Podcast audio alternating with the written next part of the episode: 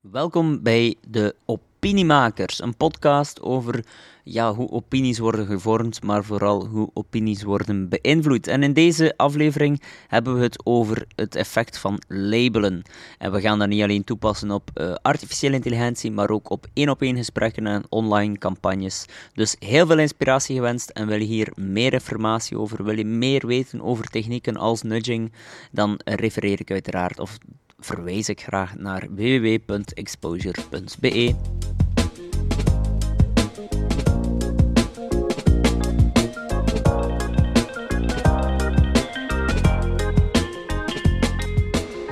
Dag Reinoud. Onlangs hebben we een workshop ChatGPT gevolgd en wat mij vooral daarin opviel, was dat we om betere resultaten te kunnen krijgen, gebruik kunnen maken van een bekende overtuigingstechniek, namelijk altercasting waarin dat we ChatGPT in een bepaalde rol kunnen plaatsen, bijvoorbeeld van een expert, om uh, betere resultaten te krijgen. Wat dus op zich ook een techniek is die in de communicatie veel gebruikt wordt. Ja, dat klopt. Uh, dat was eigenlijk een, uh, toch wel opvallend dat je aan de hand van ja, wat eigenlijk noemen we dat vaker labeling. dus mensen die bijvoorbeeld in de sales werken kennen die techniek wel waarschijnlijk. het labelen. Dat is ook een, nudge techniek die, die we veel uh, toepassen, of ja, die je kan toepassen in campagnes. En uh, dat gaat dus eigenlijk over het. Uh, je gaat dus eigenlijk een label toe-eigenen aan iemand, waardoor, ik leg het even kort uit hoor, waardoor um, die persoon zich onbewust ook sneller zal gedragen tot dat label. Ja. dus dat is heel kort, kort uitgelegd.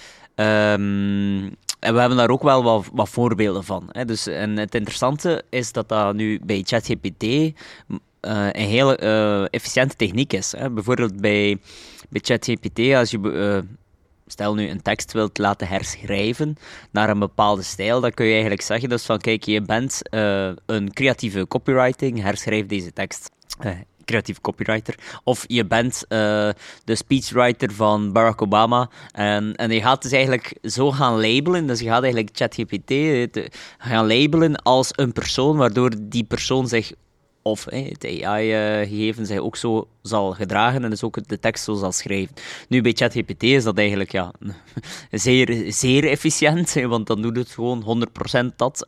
Maar uh, alhoewel, ik heb nu recent geprobeerd van een speech te schrijven à la Balthazar Boma en dat was eigenlijk niet zo goed. Uh, ik had een vraag voor... We hebben een weekend georganiseerd met mijn vrienden en hij had gezegd van schrijf een speech als à la Balthazar Boma van FC de kampioenen en dat was eigenlijk niet zo goed. Maar zo, dus het werd niet 100%, maar zo bij hele bekende uh, zaken werd het wel goed. Waarschijnlijk uh, iets te expliciet voor uh, ChatGPT. Ja, ja, niet genoeg herhaling, niet genoeg herhaling geweest om het goed te kunnen doen.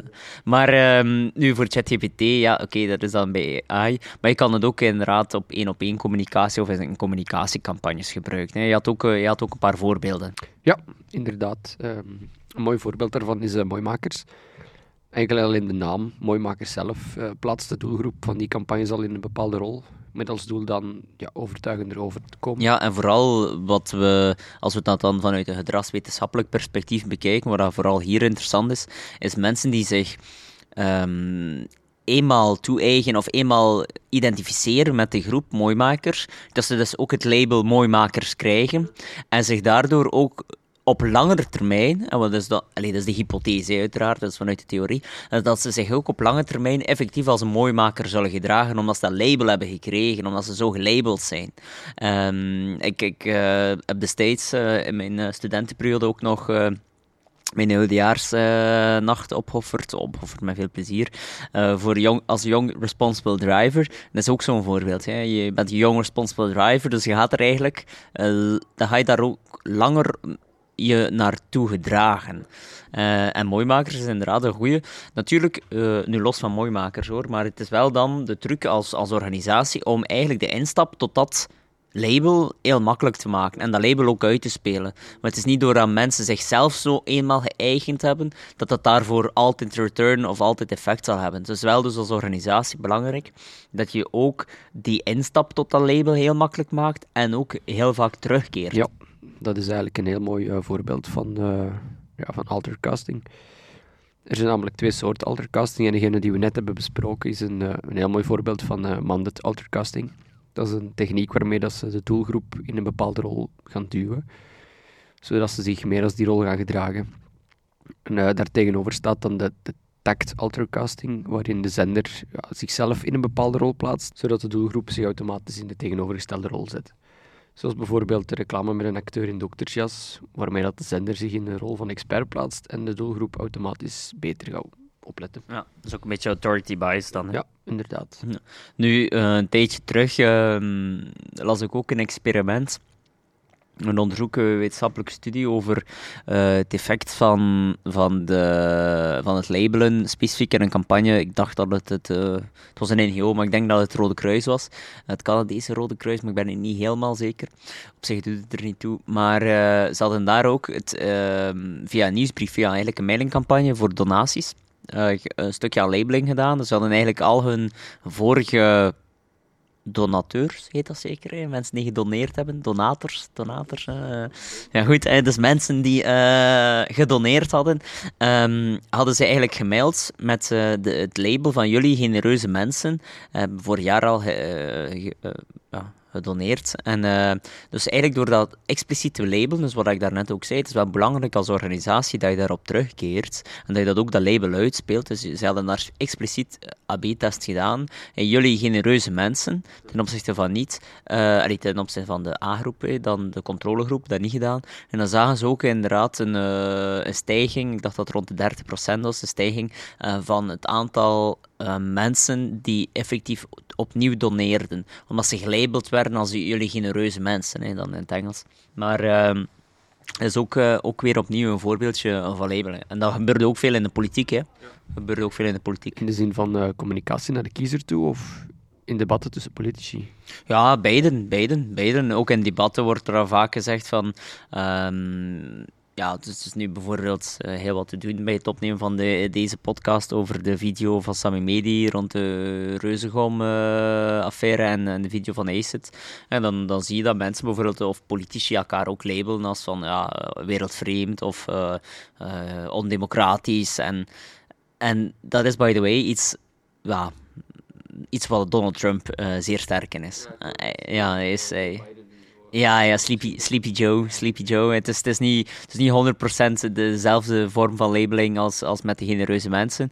Maar dat is wel, ja, hij, hij gaat heel vaak uh, nicknames, ja, negatieve uh, aan de hand van nicknames, uh, gaan toe-eigenen aan mensen. Dus Sleepy Joe, Crooked Hillary.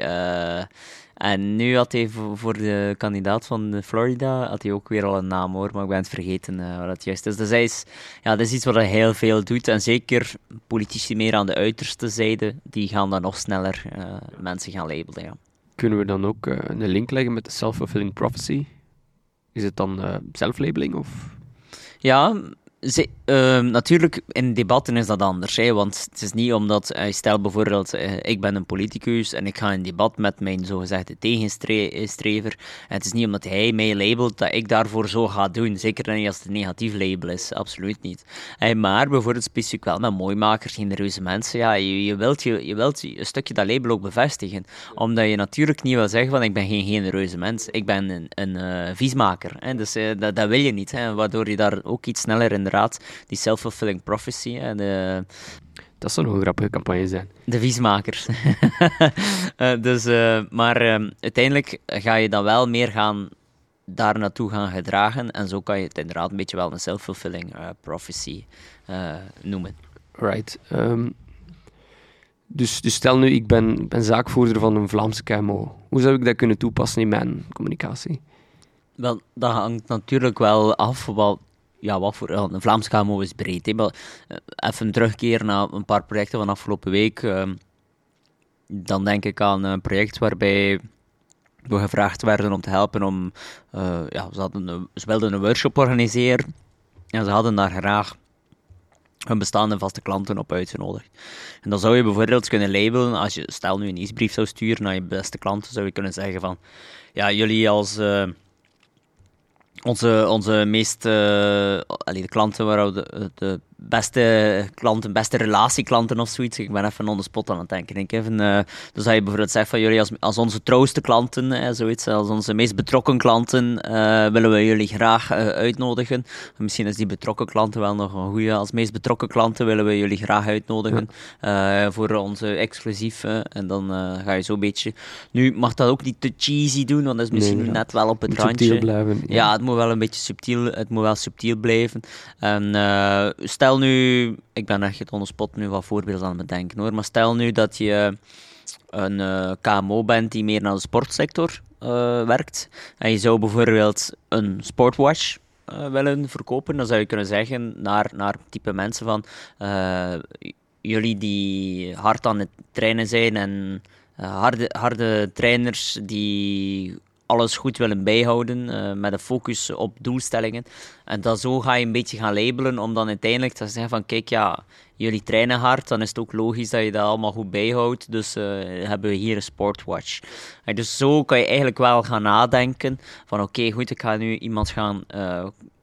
Sturen, kan er iemand sturen en daar een label aan, aan koppelen.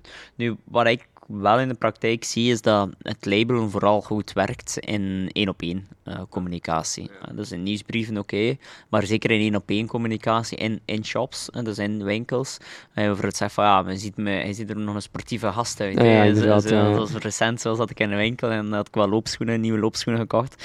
En dan merkte ik wel dat ik hier en daar werd gelabeld. een beetje een ego-boost eigenlijk. Die well, een ego-boost niet, ja, want je kent, ik denk dat we er al een podcast over opgenomen hebben, over de Persuasion Knowledge model. Ja. Dus als je mensen je tr trucken doorzien, dan even, hebben die minder effect. Ja, inderdaad. Dus uh, ja.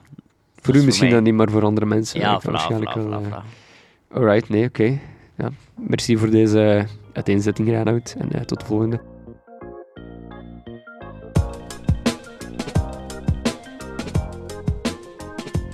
Bij deze weten jullie ook uh, wat labelen is en zal je het misschien sneller herkennen en kan je ook uh, jezelf weer beter beschermen en ook betere keuzes maken. Dus um, ja, je bent uh, misschien wel gewaarschuwd bij deze, maar vooral wil je je nog meer laten inspireren, dan verwijs ik graag naar onze e-book over nudging, die je gratis kan downloaden op www.exposure.be. En tot de volgende aflevering.